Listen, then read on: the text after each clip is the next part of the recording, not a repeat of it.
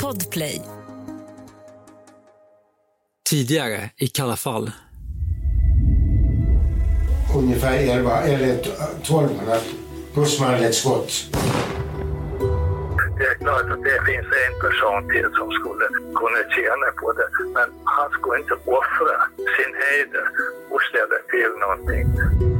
Just att han var en väldigt eh, smart person, slug, eh, beräknande, eh, kallsinnig. Och här de gick och knackade dörr alltså. Efter att eh, skörden försvann så gick de och knackade på varenda jäkla dörr här. Det här är Kalla fall. Jag heter Urban Järdek. Jag heter Tobias von Braun.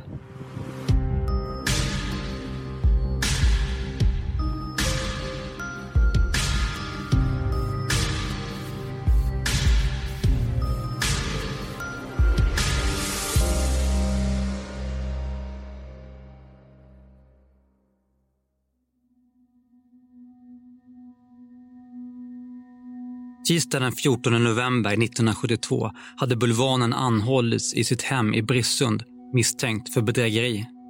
Det hade då gått nästan en månad sedan Sven Sjögren anmäldes som försvunnen. Under utredningen hade det gradvis stått klart att Bulvanen verkade vara den sista personen som hade sett Sven Sjögren. Men även att Sven och Bulvanen verkade haft affärer ihop. Det var även Bulvanen som bara dagar efter försvinnandet hade dragit igång ett omfattande vägbygge över svensk mark. Det var även han som låg bakom uppgifterna om att Sven skulle sagt att han skulle åka till fastlandet. En uppgift som inte har gått att styrka. Indicierna mot Bulvanen hade hopats och både polisen och allmänheten hade snabbt haft sin bild klar. När vi var grabbar då, när, när det här hände, det var väl 72 det hände va?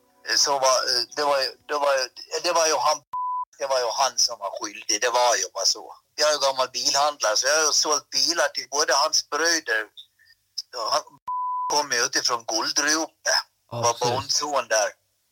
Så han hade ju alltid mystiska saker sig för alltså, så det, det, det, det måste vara, han har också hört poliser förr som sa det att vi vet att det är men vi kan inte bevisa någonting. Men det hör också till saken att Bulvanen var en ökänd figur på Gotland redan innan Sven Sjögrens försvinnande. Ja, det var ju en mycket märklig man. Jag kommer inte ihåg riktigt om jag träffade han i bil. Ja, jag, jag jobbade vid Alyrs ett tag och då var han inne där och härjade och skulle köpa någon bil här för kommer jag ihåg. Men han var, han var väldigt, eh, vad ska man säga, han, han hade ett väldigt eh, nervöst sätt på något vis. Han slängde med armarna och han var väldigt eh, han höll ju på med allt möjligt. Han höll på med någon sån här, eh, den här porrkungen var han ju inblandad med. Så han sökte sig till, till, till, till kanske någon typ av spänning eller vad. En person som genom åren haft insyn i polisutredningen berättar. Jag hade också inside information. Jag var god vän med eh, de kriminalarna som skötte utredningen. Okej. Vilka var det då? Ja, Sven-Gösta Hovas, Lennart Ja. Hovas. Alltså som skötte det på lokal nivå. Jag blev informerad också om eh, andra förhörsledare och så vidare. Och lite resultat och sådär.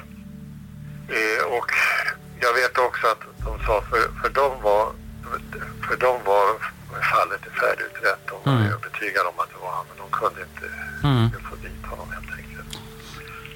Det, det var ju en ytterst märklig människa Eh, Men intelligent Ja. och fullständigt iskall. Han hade flera gånger tidigare blivit dömd för olika bedrägerier. Jag har väl hört det här med hur han, när han träffade en tjej och sålde hennes Mercedes 190. eh, Bara för att låna den och köpa cigaretter och sålde bil. Otrolig människa. Vissa historier om honom har med tiden blivit närmast legendariska på ön.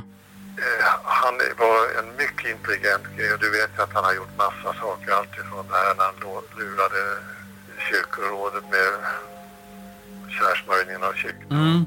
Ja, men den anekdoten har man hört ett par gånger där med ha- halva, halva kyrktornet och sådär. Så, och det kommer från polisen till mig. Ska förklara vad han syftar på här. Bulvanen hade en period jobbat som målare och då tagit på sig att kära ett kyrktak. När han var klar så visade han upp det färdiga resultatet för kyrkvaktmästaren. och fick betalt för arbetet. Men efter ett tag så upptäckte någon att endast den halva som vette mot prästgården var kärad. Men då var bulvanen och pengarna som han hade fått för uppdraget sedan länge försvunna.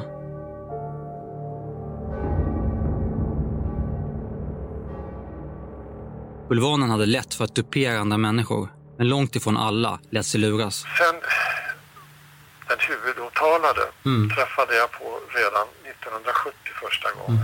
Mm, Det finns ett sätt att se om någon är psykopat. Mm. Jag vet inte om du känner till det, men man kan göra det ganska omgående genom att titta dem, se hur de agerar med ögonen. Va? Det, det, är ett, det är egentligen det enda säkra sättet. En psykopat vänder bort ögonen för sent. Eh, En vanlig människa vänder bort blicken med jämna mellanrum, men en psykopat dröjer kvar. Och eh, jag eh, jobbade extra på en bensinstation. Och då kommer han in och sprätte som en tupp där och sa eh, Du förstår, jag har varit ute på ett gods och jagat, han, och nu har jag åkt ifrån plånboken så du får sätta upp en full tank på mig. Men jag såg ju direkt att den här mannen, här, här, stämmer inte, det är en kriminell människa. Så att han fick lämna ifrån sig körkortet. Och det blev liggande och sen sa min chef vid något tillfälle, vad är det för människa? Han har inte hämtat ett körkort. Ja men ring polisen då, så här. Då gjorde han det. Jaså, är det han? Ja men då ska vi ta in honom. och då kom han ju och betalade för Ja. han tvungen att Även om bulvanens brottsregister vid tiden för försvinnandet inte innehöll några våldsbrott så fanns det ändå betydligt mörkare rykten och misstankar. Ja, du känner naturligtvis till att han har varit misstänkt för fler mord. Bulvanen hade nämligen varit intressant i ett annat fall många år tidigare. Ja, jag tänker på det här som skedde i Fröjel. Och där var han ju också misstänkt. Det var ett mord som hade utspelats i en grannsocken till bulvanens barndomshem. Flera av de äldre poliserna i utredningen hade varit med den gången också. Ja, han bekräftade det. Oh ja. Han, han eh, tog upp det. Han talade om att han hade en sån motorcykel vid det tillfället som Ja. hade setts. Och om jag kommer ihåg- rätt så var det någon Husqvarna 118 kubikare. Bulvanen hade funnits på polisens radar ända sedan dess. Men även personer i hans närhet hade tidigt fått en dålig känsla av honom. Ja, jag har även intervjuat eh, skolkamrater till honom om vad de trodde när han var 16 år och var misstänkt för Fröjelmordet. Och eh, jag ställde ju då frågan då, vad tror du, skulle han ha varit kapabel till det vid den åldern? Absolut, så. Vad var det då för mord som bulvanen hade varit misstänkt för? För att förklara det så behöver vi backa bandet till 1954.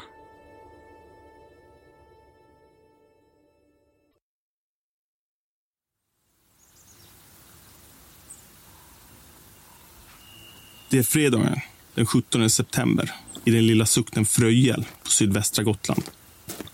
En granne är inne på gårdsplanen hos den 76-åriga änkan Selma Timgren. Grannen, som brukar titta till den gamla kvinnan, hade varit och knackat på ett par gånger utan att få svar. Han hade nu blivit orolig och någonting hade hänt henne. Hon var nämligen gravt hjärtsjuk och hade verkat lite tröttare än vanligt den senaste tiden. Trots det hade hon inte velat höra talas om att lämna den lilla gården. Och varje morgon brukar hon vara ute och se till sina höns. Och det var på den vägen till hönshuset bakom ladan som grannen hittade henne. Hon låg halvvägs in i ett buskage. Grannen gick närmare för att titta efter, men ryggade tillbaka av synen som mötte honom. Det hade omedelbart stått klart att det inte var någon naturlig död som hade drabbat kvinnan. Utredningen skulle senare visa att hon sannolikt avlidit någon gång runt klockan 11 på förmiddagen föregående dag. På morgonen hade hon setts plocka potatis i sitt potatisland. Spannen med potatisar hittades senare i huset. Antagligen hade hon därefter som vanligt varit på väg till hönshuset när hon blivit överfallen. Gärningsmannen hade slitit åt sig hennes käpp och därefter brutalt misshandlat henne med upprepade slag mot huvudet och ansikte tills att käppen gick sönder. Slutligen hade hon strypts till döds. Varför hade kvinnan mördats? Det fanns inga tecken på något sexuellt motiv till dådet. Hon hade visserligen haft en hel del mindre pengasummor undanstoppade i olika gömmor i huset, men hon var knappast rik. Vad man kunde bedöma hade heller ingen varit inne i huset. Inga värdesaker verkade ha stulits. Det enda föremål som överhuvudtaget verkade saknas var husnyckeln. Det hade spekulerats i att gärningsmannen tagit nyckeln och planerat att återvända senare, men sen fått kalla fötter.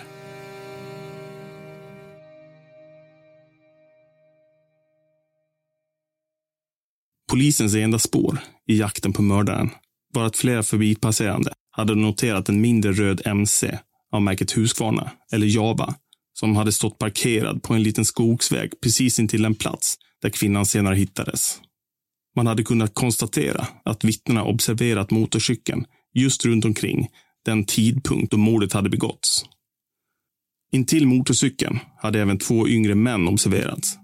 Den ena såg ut att vara i nedre 20-årsåldern och den andra i tonåren. När brottet uppdagades tog polisen omedelbart det drastiska beslutet att stänga Gotland. Ingen fick lämna ön, vare sig med båt eller med flyg. Därefter inleddes en massiv klappjakt efter alla som haft tillgång till en röd motorcykel som motsvarade signalementet. Sammanlagt så hördes över 600 personer. Tidigt i utredningen anhölls två bröder från norra Gotland.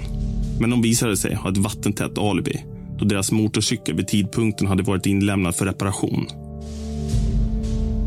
Så småningom hade man fått upp ögonen för en man som tidigare dömts för en del bedrägerier och andra småbrott. Han brukade åka runt mycket på ön med sin röda MC, ofta med en passagerare på sadeln. Mannen hade bevisligen besökt Selma vid ett par tillfällen. Han blev snabbt polisens huvudmisstänkte, men trots stora ansträngningar lyckades man inte binda honom till brottet.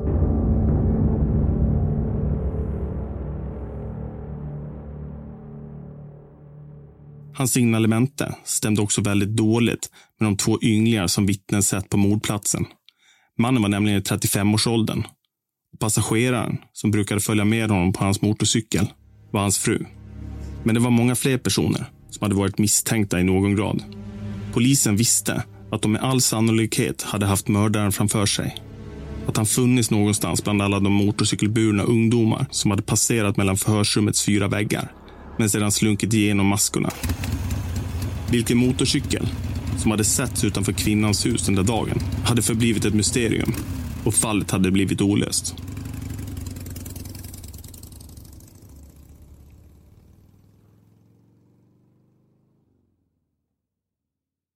När utredningen av Sven Sjögrens försvinnande fortskred så hade spaningsledningen tidigt börjat titta lite närmare på de omfattande markaffärerna som föregick försvinnandet.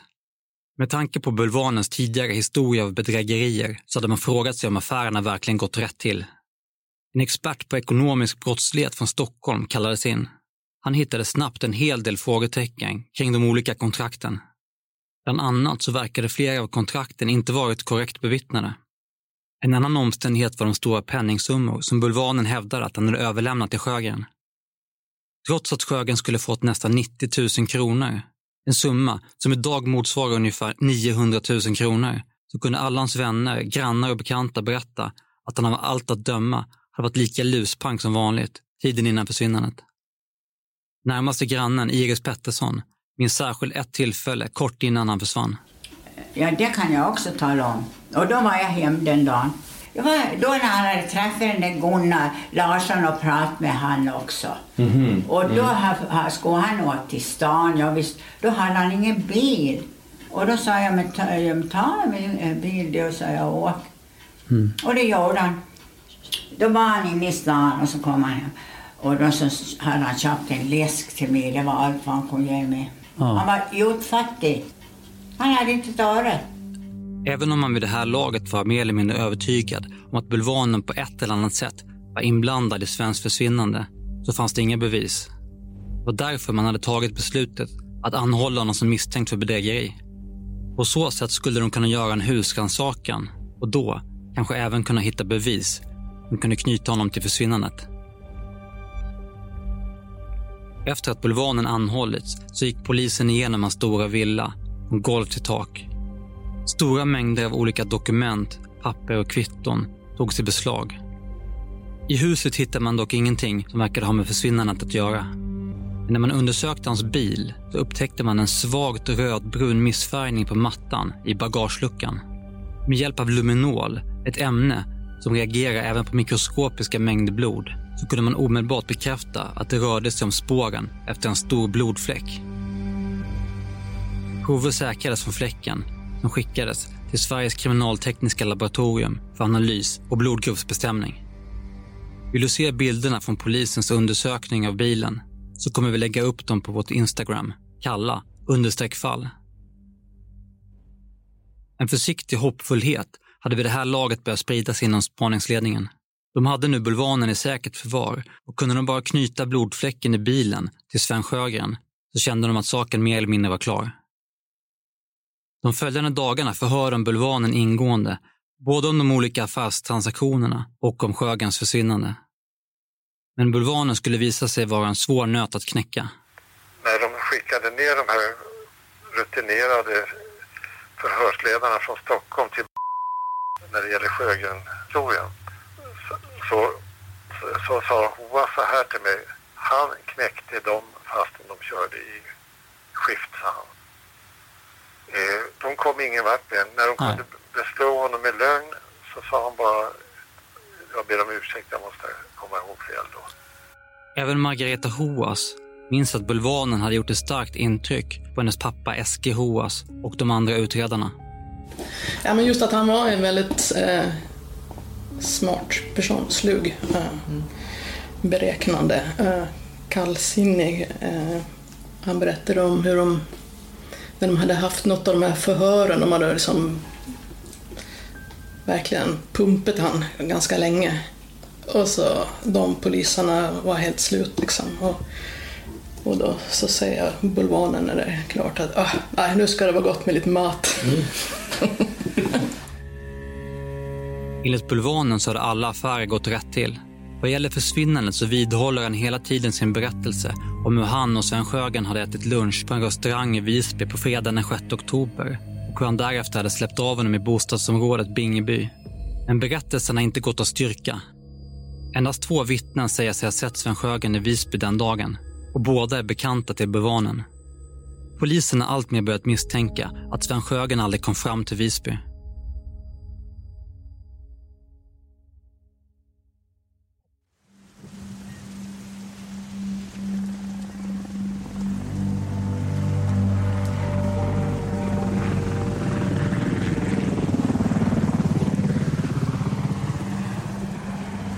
Men vart hade i så fall Sjögren tagit vägen?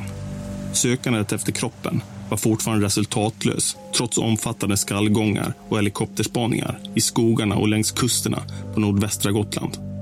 Hans-Olof Edin minns att polisen vid det här laget hade blivit mer intresserade av den väg som bulvanen varit med och anlagt över svensk tomt bara några dagar efter försvinnandet. Och det var ju en, eh, en, en, en grävfirma från ett, eh, tre, Trekumla tror jag. Gräva, de är snabba, snabba affärer. Och, eh, ibland är det per kubikmeter, ibland är det per timme. Och, han, han, och det var på beställning. Och den vägen eh, byggdes jättesnabbt. För att då hade han kommit över marken. Han visste att det var inte möjligt att, att hålla på med eh, grejer med Rolferin och parken och väg över här. Utan pass, passar i tid när Sven försvinner. Att man passar på att ha det som en gravplats. Ja, det är lika troligt som att han kanske skulle vara uppäten av minkar. Även om det var direktören som skulle betala för vägen så hade det visat sig att det var Bulvanen som hade bestämt när bygget skulle sätta igång. Han hade tidigare haft kontakt med grävmaskinsfirman om det kommande vägbygget, men ingenting hade varit bestämt. Så plötsligt en dag hade han bara dykt upp på kontoret och ville att bygget skulle sätta igång så snart som möjligt. Vägmaskinerna skulle omedelbart fram. Bara dagar efter hade han själv stått och dirigerat arbetet.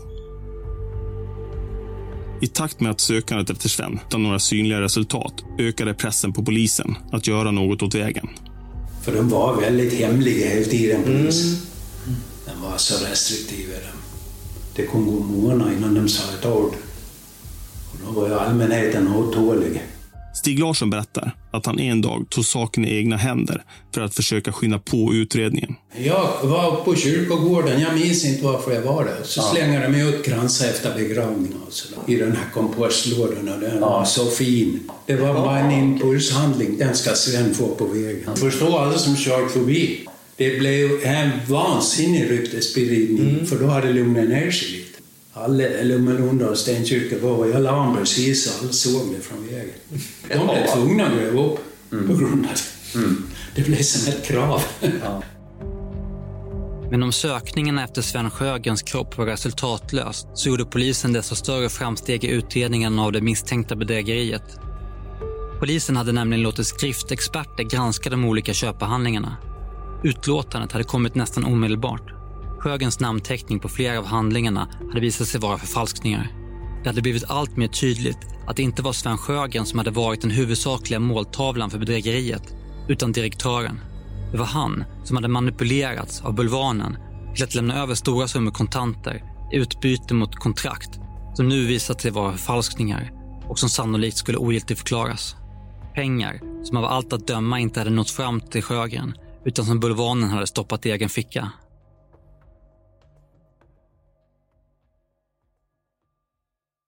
Många frågade sig vid det här laget hur direktören, som ändå var en framgångsrik storföretagare, hade vågat ta risken att överlämna så stora summor kontanter till en ljusskygg person som man knappt kände. Även om man var angelägen att få tag i mark till djurparken så borde alla varningslampor ha blinkat. Svaret var att han inte hade sett någon annan utväg. Affären gällde nämligen mer än att bara få tag på mark till djurparken.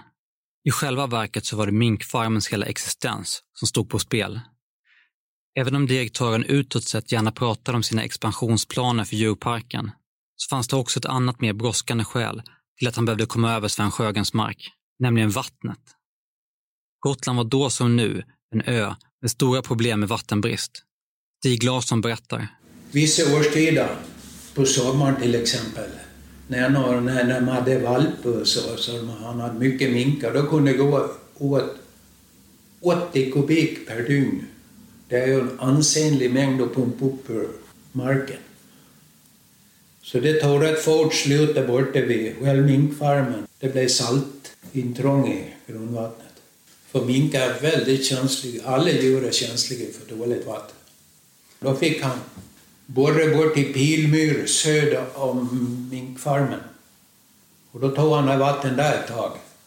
Men då torrlade han brunnar uppåt i vägskinnet som låg ovanför, så de sabbade till han. Kapledningarna, det är färdigpumpat här. Så då var han rätt så ställd. Därför behövde han över Ödins marka och kom in på Sjögrens.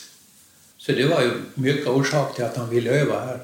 För till skillnad från i Salthamn så finns det ingen brist på vatten på Sjögrens marker. I änget strax nedanför gården fanns nämligen ett källsprång med klart rent vatten som aldrig sinade, inte ens under de torraste somrarna. På den här tiden så var alla försäljningar inom jordbruket tvungna att godkännas via en speciell nämnd, Lantbruksnämnden. Man kunde inte sälja mark till vem som helst och närbelägna fastighetsägare hade företräde. Man ska ha en skälig anledning att behöva marken.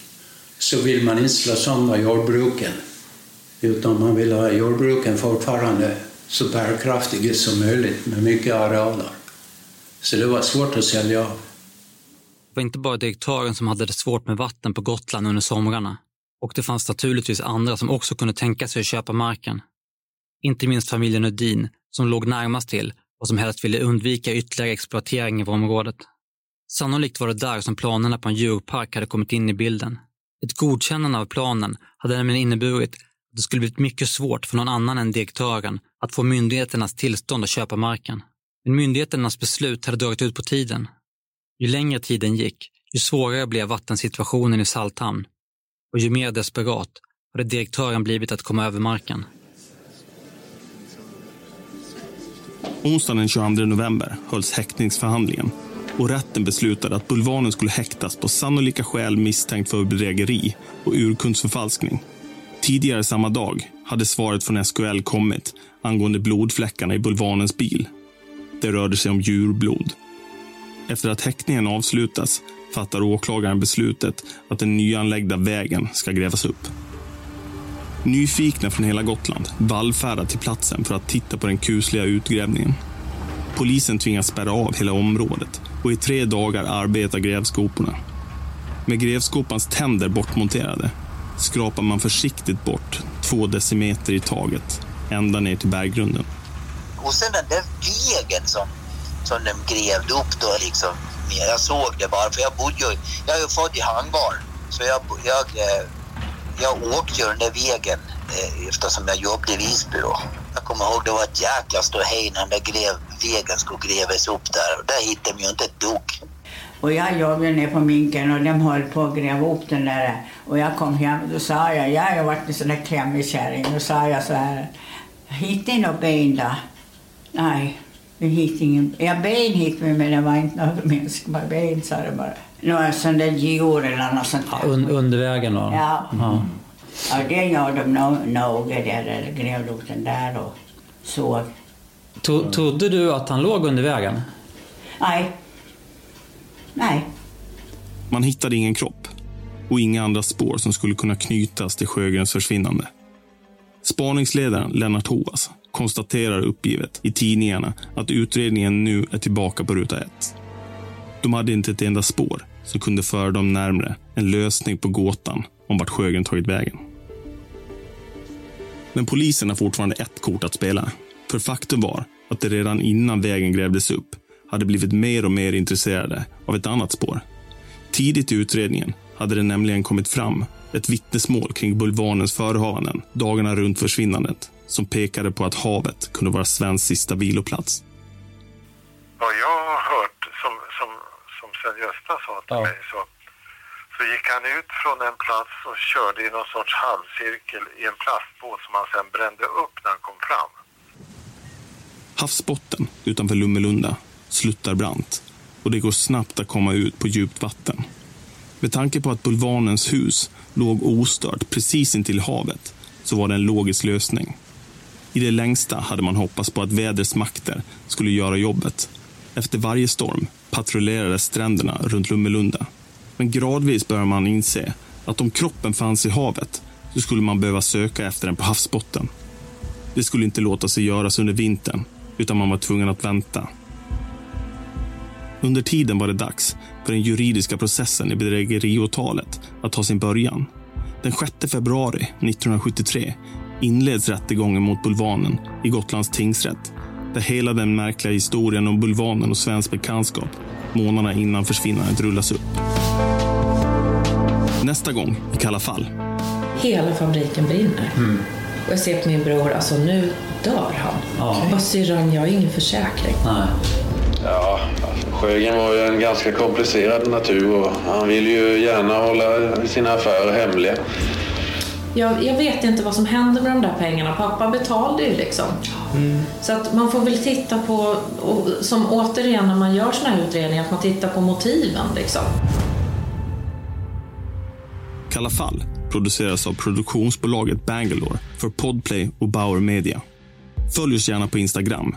Där kommer vi att lägga upp bilder på sånt som vi tar upp i podden. Där heter vi kalla understreck fall. Har du några tips som skulle kunna bidra till att Sven eller Björn hittas? Tveka inte att höra av dig på tips at kallafall.com. Tack för att du lyssnar på Kalla fall.